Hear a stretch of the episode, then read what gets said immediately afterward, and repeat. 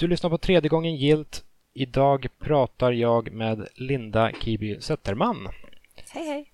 Hej! Välkommen hit. Tack. Den som inte känner dig, eller rättare sagt om vi, om vi tar det, den här vägen istället. Jag träffade dig första gången när, när vi slog varandra i huvudet, typ. Ja. Eh, för du, du jobbade på Avalanche och Avalanche hade en liten box and kick-grupp där man fick komma och slå på mitsar och även varandra om man så ville. Eh, Och jag på något sätt, trots att jag inte jobbade på Avalanche, ly- lyckades eh, på något sätt smyga mig in i den gruppen. Ja, det var väl bra.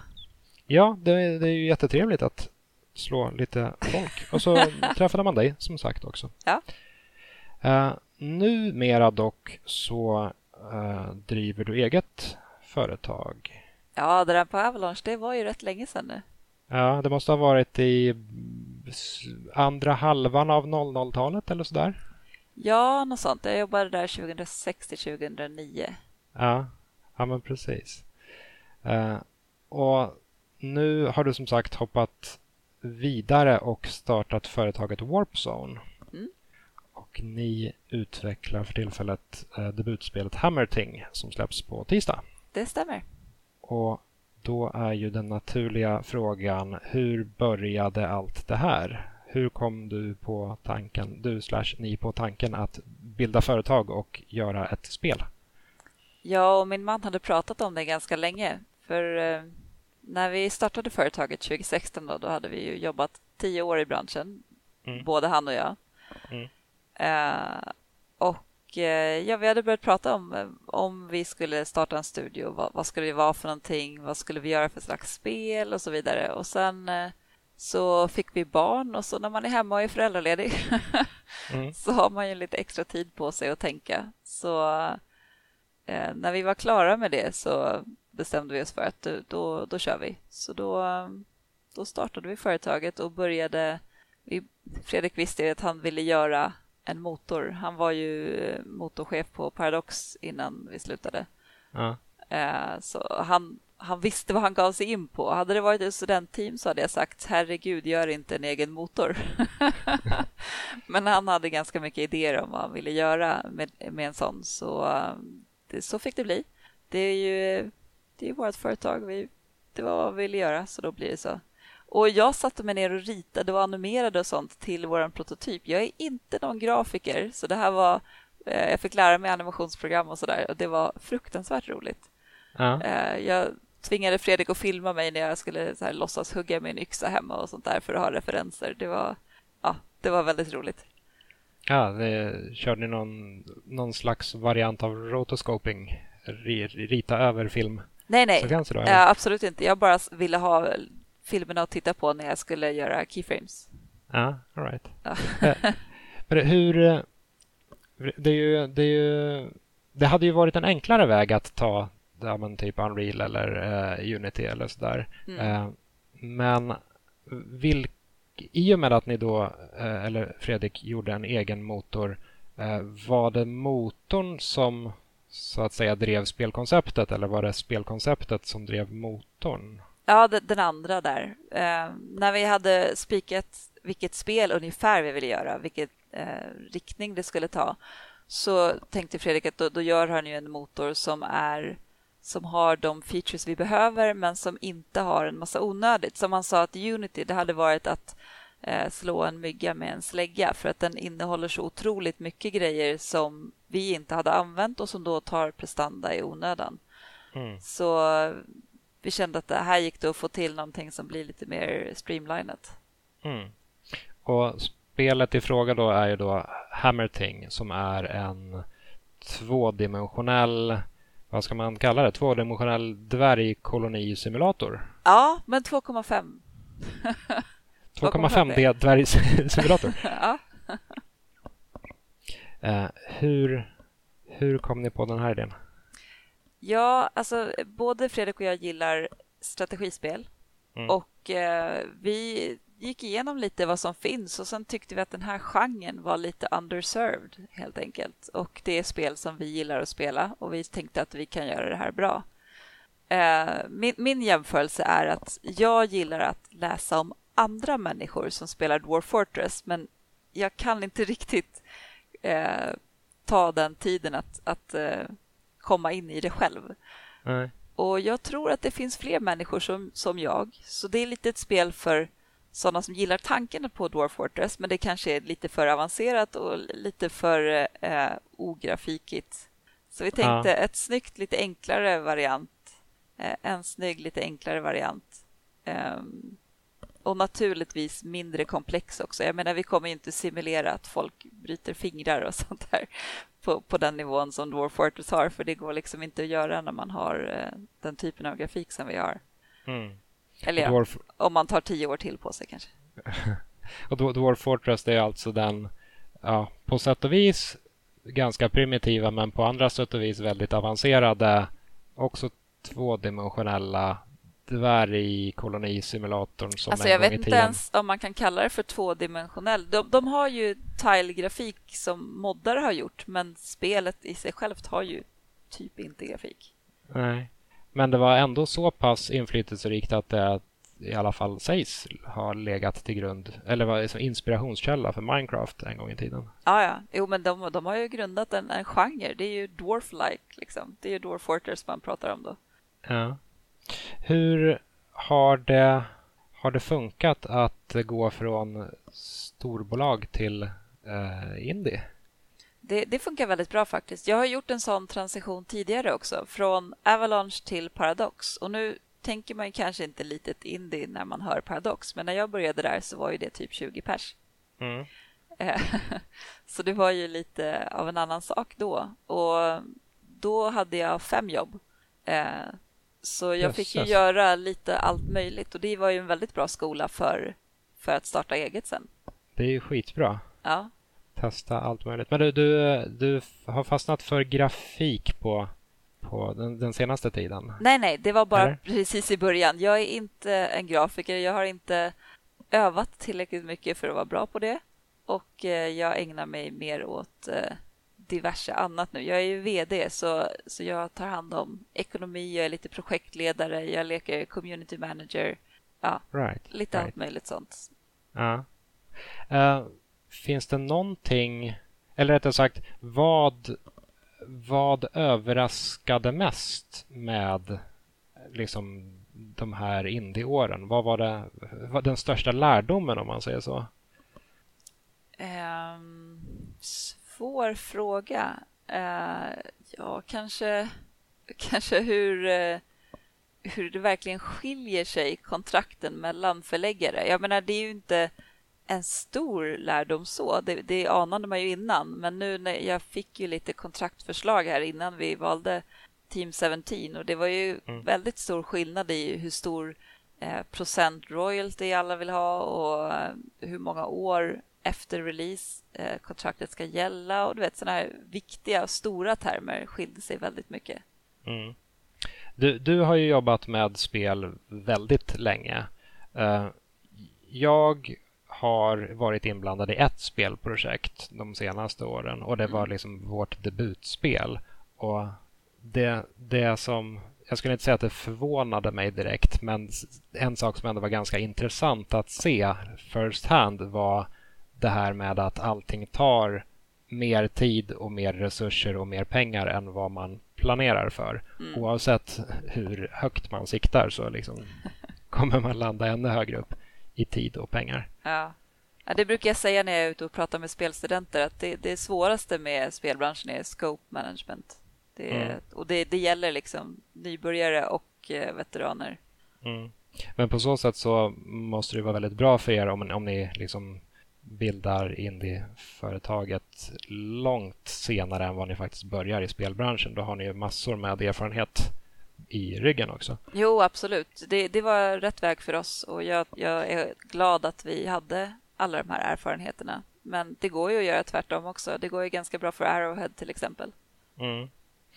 Uh, hur, uh, hur uh, ser du på framtiden? Skulle du vilja fortsätta med indie eller skulle du vilja leta dig tillbaka mot lite större projekt? Nej, jag, jag, trivs väldigt bra med den här storleken på projekt. Eh, det var ju någonting som Paradox gjorde väldigt bra tycker jag. När de växte och blev större så blev inte projekten... Alltså projekten blev större, absolut. Mm. Men de siktade ändå på att hålla det måttligt och att växa i bredd istället och göra fler mindre team som sprider riskerna och gör fler spel samtidigt. Och Det är lite så jag skulle vilja växa också med vårt mm. företag. Jag har hört, jag har aldrig jobbat på Paradox själv, men jag har hört att det är, bra, att det är en bra arbetsplats. Jag har fått det intrycket. Ja, jag trivdes väldigt bra där. Jag stannade ju sju år. Så. Ja.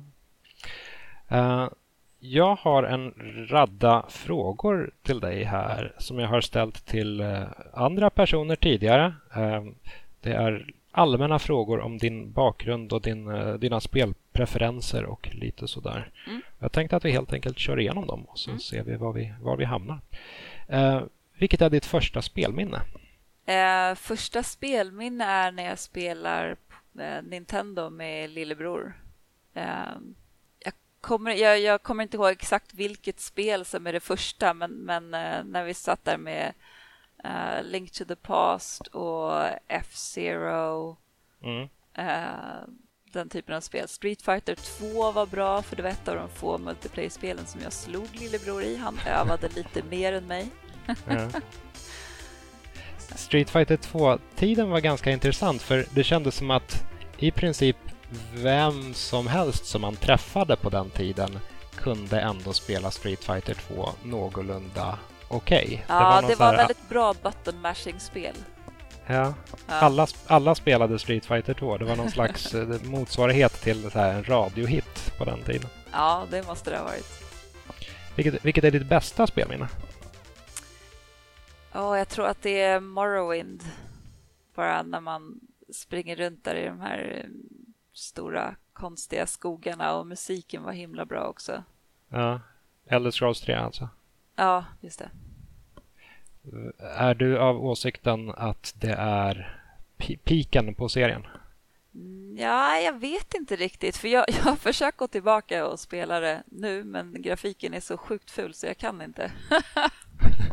men jag älskade det då. Men jag, jag gillar Skyrim också. Oblivion tyckte jag var lite svagare. Ja. Um, och Elder Scrolls Online nu har jag inte riktigt kommit in i. Men, men Skyrim har jag spelat mycket.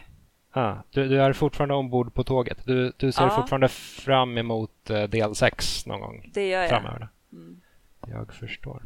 Vilket var det första spelet du köpte för egna pengar? Diablo 1. Mm. Varför Diablo? Ja, vi, jag hade en liten eh, LAN-grupp som tonåring och vi ja. körde Diablo. Grymt. Men eh, det bästa var egentligen när vi körde Diablo 2 och kom på hur man kunde skrivskydda savesen så att vi kunde dupa alla prylar som Just vi hittade. Det. det var fab. Stå kasta ut dem vid varandras fötter. Exakt. eh, vilket spel har du lagt ner mest tid på? Oj, jag, jag fastnade ju i eh, MMO-träsket när jag pluggade på KTH. Mm. så, yeah. så ja, det skulle kunna vara Star Wars Galaxies kanske. Men jag spelade ju bara det tills de gjorde sina combat changes för det tyckte jag förstörde spelet. Så jag, jag är inte helt hundra procent säker. Jag har också okay. spelat ganska många timmar av Civ 5. Men jag tror inte det kom närmar sig MMO-nivåer faktiskt. Mm. Vad härligt ändå att när du sa MMO då tänkte jag där okej okay, nu kommer, nu kommer ytterligare ett World of Warcraft-svar här. För det, det, det, är det tveklöst populäraste svaret på den här frågan. Ja, jag kan um, tänka mig det. Men jag gillade inte WoW. Sorry. Nej, men det kan jag verkligen respektera. Jag har aldrig nått max-level i WoW heller. Nej, men Eller, min maxgubbe, ja. jag försökte verkligen för jag hade ju kompisar som älskade det, men ehm, jag fick en Warlock till level 45 tror jag. Så jag har gett ett proper försök tycker jag. Ja, Star Wars Galaxies, bättre än WoW. Ja, och Everquest 2. Old school. Ja, inte Everquest 1 i alla fall. Men Nej, det är alltid något.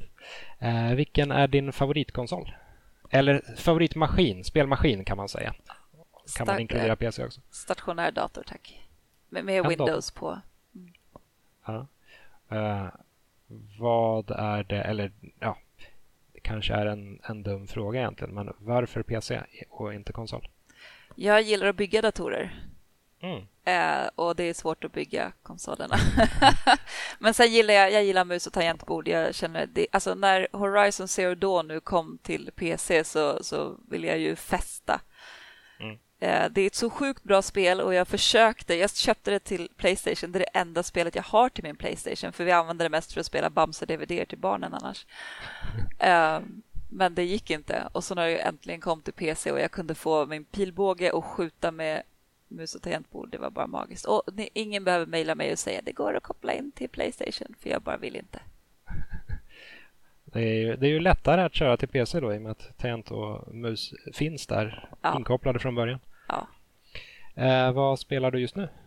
Eh, För, förutom Hammerting? Alltså, jag, jag testade ett gäng med indiespel när Steam hade några eh, demogrejer. Mm. Och då började jag, då testade jag Mr Prepper som jag tyckte var roligt. Eh, mm. Och Travelers Rest var en till demo som jag tyckte var ganska rolig. Så de, de, jag har inte köpt Mr Prepper för jag tror inte det har kommit än. Men Travelers Rest eh, köpte jag och spelat. Mm. Och sen spelar jag en del Plants vs Zombies för jag har en femåring hemma som älskar det så vi spelar lite tillsammans. Mm. Ja, det är grymt med spel som man kan spela tillsammans med, med sina barn. Ja. Och överlag, det, det, är, det är härligt med föräldrar som faktiskt har koll på på sina barn höll jag på att säga, men har, har koll på vad, sin, vad barnen eh, spelar. För så var det inte när jag växte upp. Mina, mi, mina föräldrar de har inte någon koll på tv-spel överhuvudtaget. Ja, mamma brukade gå i köket och vissla på Nintendo-musik, så någonting visste hon i alla fall. ja. Jag har, något, jag har ett minne av att min pappa försökte spela Super Soccer till Super Nintendo med handkontrollen liggande som ett tangentbord. Han, han, ja, han, han hanterade den som ett tangentbord helt enkelt. Och jag ja. tyckte ja. att han var en konstig människa. Där och då. Ja, men det är ju lätt när barnen har ett intresse som man kan koppla sig till. Jag vet inte om de gillade att läsa damtidningar. Då skulle jag ha rätt svårt att hänga med. Mm. Men nej, helt rätt att engagera sig i barnens intresse. Ja. Det är bra. Eh, vilken spelmelodi nynnade du på senast? Uh, Arcanum of Steamworks and Magic. Mm. Vad... Nu ska vi se. Spelutvecklare som du ser upp till. Och Det kan vara en person eller ett företag. Um, svårt. Eh, jag tycker att eh, Johan Dahlberg, före detta Andersson på Paradox, eh, är väldigt bra. Han har bra visioner och jag hade väldigt roligt att jobba på Paradox där när vi jobbade i tandem där ett tag. Ja. Um, han kan vara lite, lite klurig att jobba med ibland, men jag tror att det är för att han är så väldigt driven och verkligen vet vad han vill. Men ja. jag tycker också det är, det är bra med människor som har visioner och inte är rädda att genomföra dem. Jag tycker det är en skön grej. Ja, så länge man inte blir en, ja, en sån här galning. Typ som, som man ofta har hört med större producenter, alltså ja, nej, men kändisproducenter. Ingen diva sådär, utan eh, eh, bara driven. Schysst. Eh, vilket spel önskar du att du hade gjort själv? Eh, Horizon Zero Dawn. Ah. ja, briljant spel. Ja, det är fantastiskt. Uh, och det, det, är, det är fantastiskt på så många, många sätt också tycker jag. Det har ah, jag jättebra mekanik och sen en förvånansvärt intressant story. Ja, Även... den, är, den är gripande och det känns ju så här, ja men man springer runt med en pilbåge och skjuter på robotdinosaurier. Det känns inte som att det ska vara seriöst, men det är det. Ja. Jag blev väldigt förvånad över att jag blev så engagerad i den och, och verkligen ville gräva vidare och få reda på varför det fanns robotdinosaurier. Ja, eller hur? um, och ett annat spel, om jag får nämna två.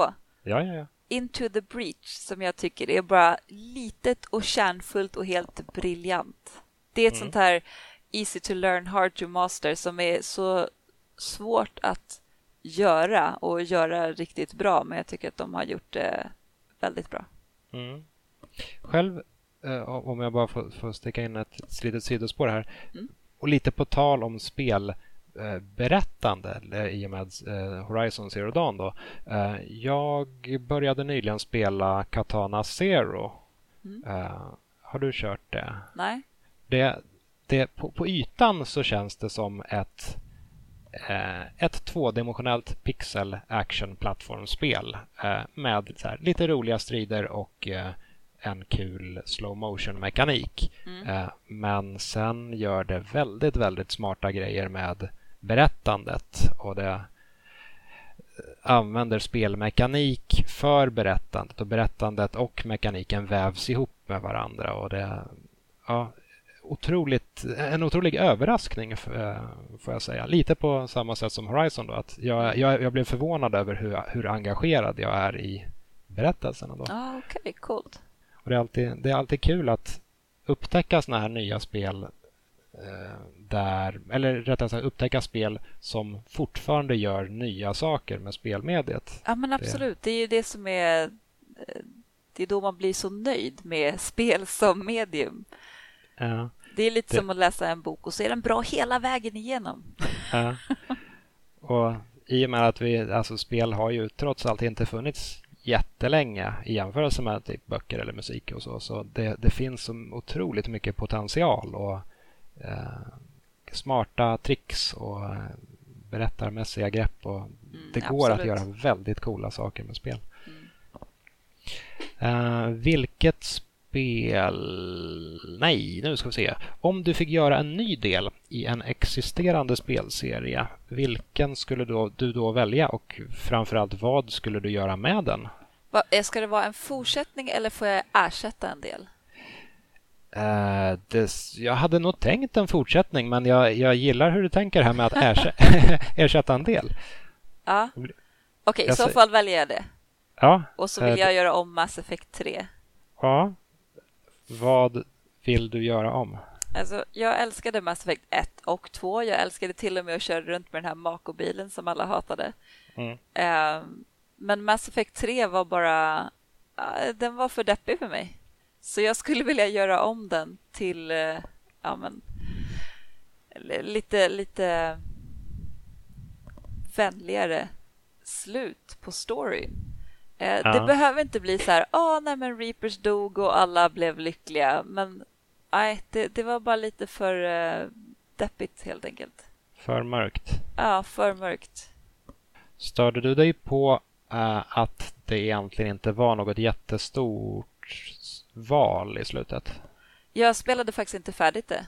Right. Jag, jag, tyckte det var så deppigt. Oh, oh, sorry om jag spoilade. Nej, det är ingen fara. Spelet det, det, är ju ett tag sedan det kom ut nu så jag får skylla mig själv. Ja. För just den grejen har jag ändå på något sätt lärt mig att uppskatta på något sätt. Alltså övriga Mass Effect 3 och Sido. Mm. Faktumet att det smalnar av till att i princip inte ha någon valfrihet alls i slutet tycker jag är det finns någonting som är lite coolt med det när det handlar om en tri trilogi som handlar mycket om val. Mm. Att det i slutändan inte blir något val. Men sen får man väl tycka vad man, vad man vill om det och hur de hanterade det. Uh, vad spelar du tillsammans med dina vänner? Ja, jag är ju småbarnsmamma va? Så det blir inte jättemycket speltid med vänner. Det blir mest brädspel faktiskt nu för tiden. Ja. Eh, andra ja. småbarnsföräldrar som också råkar gilla brädspel och så kan man ha så här lekdejt och så spelar vi samtidigt. Ja. När blev brädspel stort igen? För nu för tiden är det ju väldigt stort. Jag ja. Alltså jag, jag, har ju en kar här som hade ett löfte eh, vid någon period att han, han har lovat nu att inte köpa fler brädspel på Kickstarter. det, det, det, har ju, han har brutit det nu. Men jag vet inte, det var väl eh, några år sedan nu. Ja, det har säkert gått en jävla massa år sedan. Men vi spelade ju för tio år sedan också. Jag vet inte, det kanske var lite mindre för 15 år sedan och sånt. Ja. Men kom, vi spelade ju Arkham redan på Avalanche-tiden. Mm. Det vill säga 00-tal. Ja. Slutet av där. Ja, jag, mitt första minne, eller minnet av moderna brädspel tror jag startade för min del med Talisman. Men det i sig är ju ett gammalt spel. Så. Ja, jo, det är det. Jag tror men det kanske är mer att man har kommit på att det existerar fler brädspel än Monopol som mamma och pappa kanske hade hemma. Och då kom man mm. på att nej, men det kan ju faktiskt vara rätt kul det här. och brädspel är ju, det verkar ju vara den stora, det stora framgångsreceptet om man vill lansera en Kickstarter ja. för tiden. Eh, jag har ibland lekt med tanken att här, jag undrar hur svårt det är att designa ett brädspel. Jag har aldrig försökt, men... Uh, men det, det, finns ju... Uh, Laura och Anna gjorde ju det på... Ska vi se. På Valiant Game Studio. De sitter här i Stockholm också och släppte nyligen ett spel på Kickstarter brädspel. Fast de gör digitala spel från början. Ja, har, det, eh, har den kickstarten gått i mål? Ja, den har gått i mål. Men jag ja. kommer inte ihåg vad spelet heter. Ja, jag känner nog inte till det.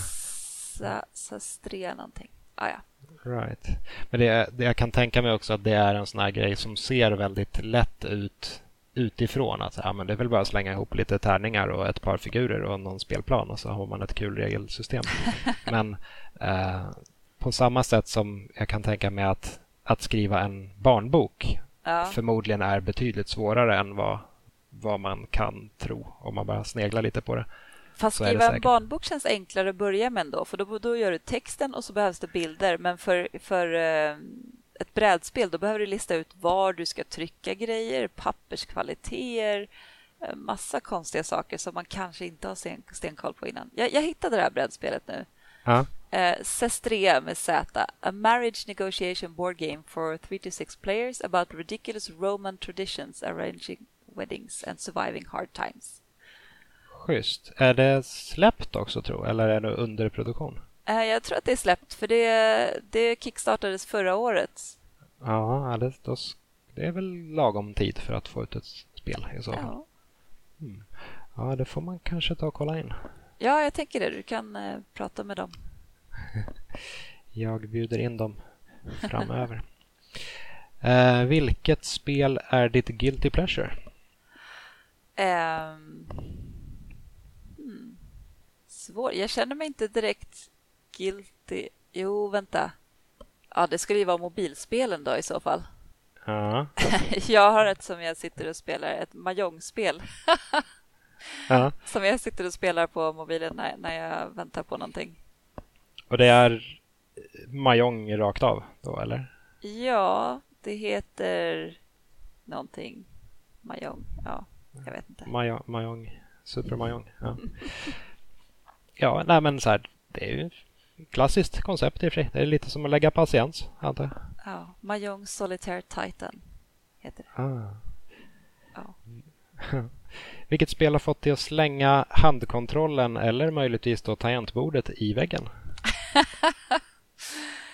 um, jag tror kanske något Silent Hill-spel som heter The Apartment eller något sånt. Uh, i alla fall, det är ett av Silent Hill-spelen och man börjar i en lägenhet. Silent Hill 4. Och så händer det ingenting. Och det är skitläskigt.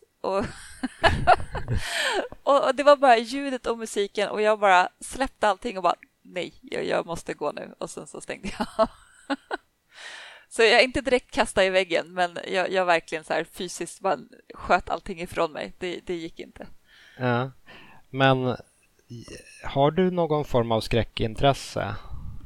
Eh, jag har kollat lite på skräckfilm och sådär, men eh, skräckspel funkar inte för mig alls. Nej. Jag tyckte liksom att Fallout 3 var för läskigt så jag stängde av ljudet när det var såna här äckliga hasande gubbar i, eh, i samma hus som mig men på våningen ovanför. Jag visste att de inte kunde komma ner men det lät så jobbigt så jag tog av mig hörlurarna och så fortsatte jag spela utan ljud. Det var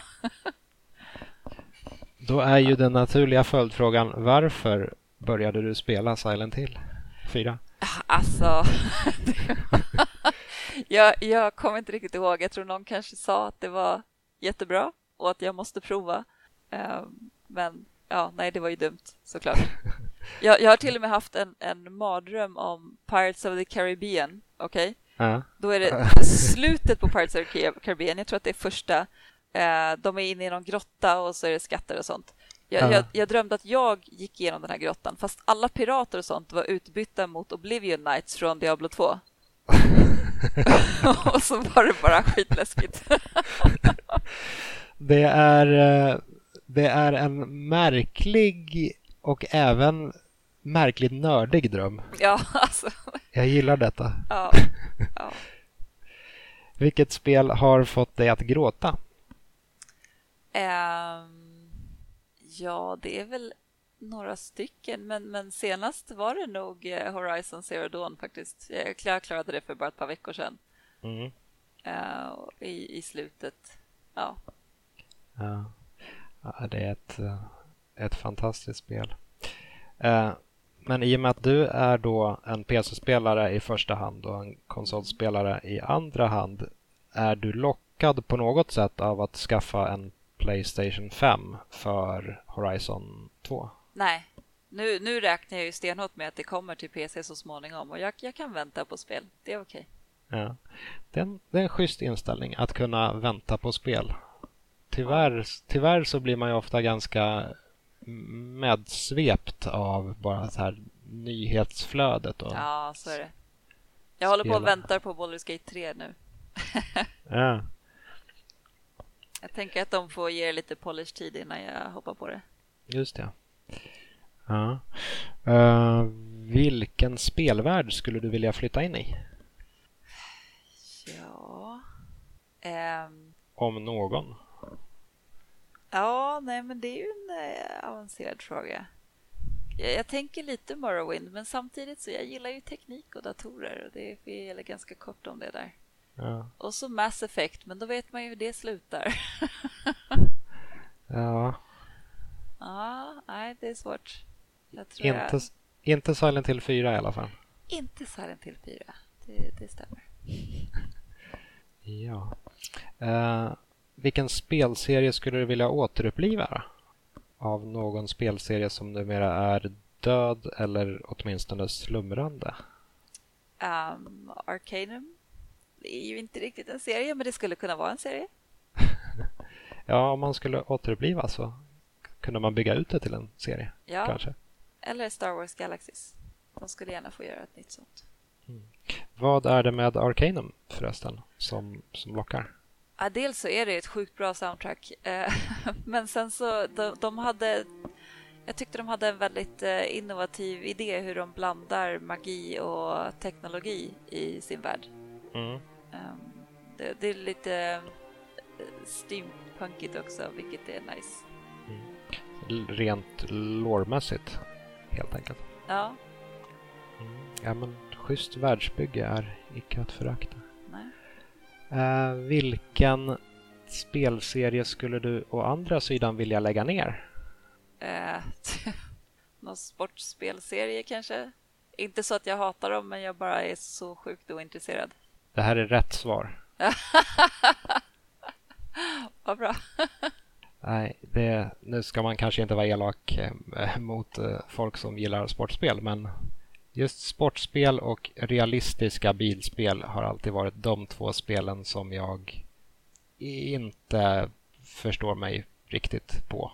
I övrigt, kan, I öv- övrigt kan jag spela det mesta ändå. Jag spelade en del Colin McRae när jag var typ 15, men jag skyller på att jag visste inte bättre. Ja, ja men precis, på, på den tiden, backar man långt tillbaka i tiden, då, backar man tillräckligt långt tillbaka i tiden, då blir det ju så pass eh, low-tech att bara faktumet att spelet är tredimensionellt Ja. lockar. Så då, då, då, kan man ju, då kan man ju sitta och spela så här Ridge Racer eller, eller vad det nu är. Ja, Eh, men nu för tiden så ska det, det ska Det mycket ska- till. ja, det ska vara ett väldigt bra sportspel eller ett väldigt bra bilspel. Jag tror nästan att det är omöjligt faktiskt. Ja, om man inte på något sätt twistar till det. Det skulle ju säkert gå att göra något intressant sportspel om man jag vet inte, byggde in ett mordmysterium eller något. Alltså, gick helt, fullständigt bananas. Man tog Zombie baseball. Ja, man tog Fifa-motorn men så här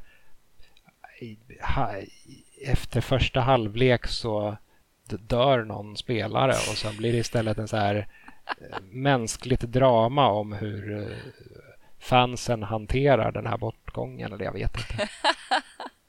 Det skulle jag vara intresserad av. Ja.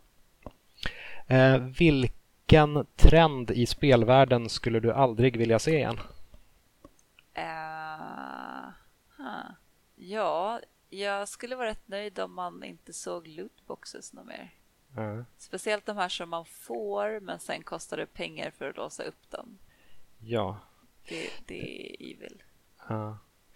Det... Nej, nej. Jag försöker Du försöker komma på, på något bra med dem eller? Ja, precis. jag tänker att mikrotransaktioner, där kan det ändå finnas någonting. Ja, jo, men det, det tycker jag. Mm. Men lootboxes, nej. Nej. Lootboxes är nog inte något att ha. Helt enkelt. Ja. Helt enkelt värdelösa. Ja. Eh, då närmar vi oss finalen här då.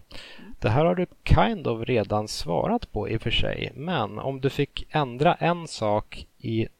Eller för vi, kan ju, vi, vi säger så här. Om du fick ändra en sak i ett av spelen som du har jobbat med. Mm. Vad skulle du ändra på? En enda sak. mm. Oj. Uh, kanske i Europa Universalis 4 mm. hur man sköter koloniseringen av uh, Amerika. För de native tribes där skulle kunna få lite mer kärlek än som det funkar nu. Uh, hur skulle man göra? ja, jag har dessvärre inte kört Europa Universalis 4. Nej, nej, men nu är det med att man, man tar dit en tillräckligt stor armé och sen så går en timer och, och sen har man liksom tagit över deras land. Det känns som att man skulle kunna eh, utbilda lite mer i, i hur det faktiskt gick till. För de här spelen är ju ganska realistiska eh, mm. och utbildar i, i de har med verkliga landsgränser och sånt här. Mm. Och det känns som att man, man skulle kunna göra någonting lite semipolitiskt där också. Mm. Eh, vilket jag tror skulle vara bra. Ja. Nej, men eh, överlag så att använda spel som indirekt utbildar eller har ett positivt budskap. Det, det är jättefint när man får till sådana saker.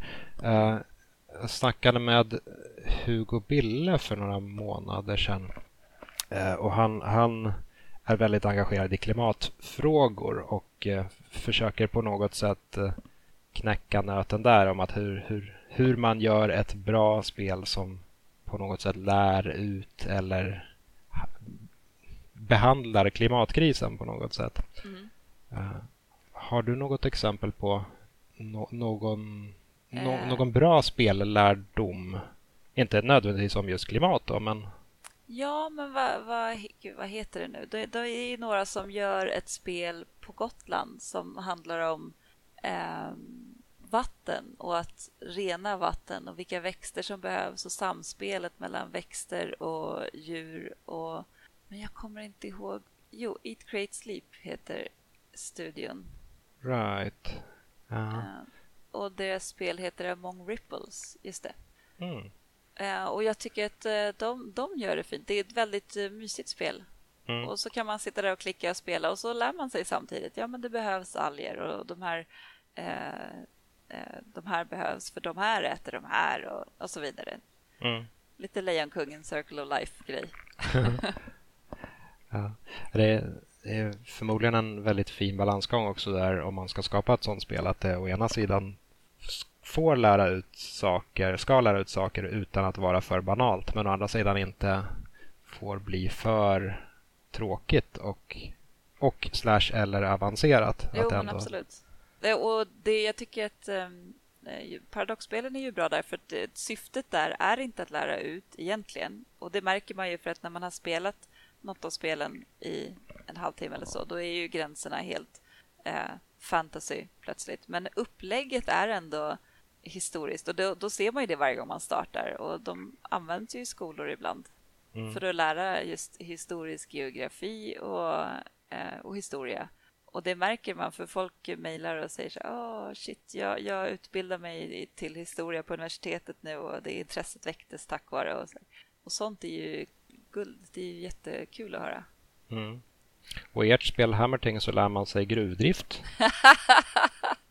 ja, man lär sig hantera en eh, antfarm kanske.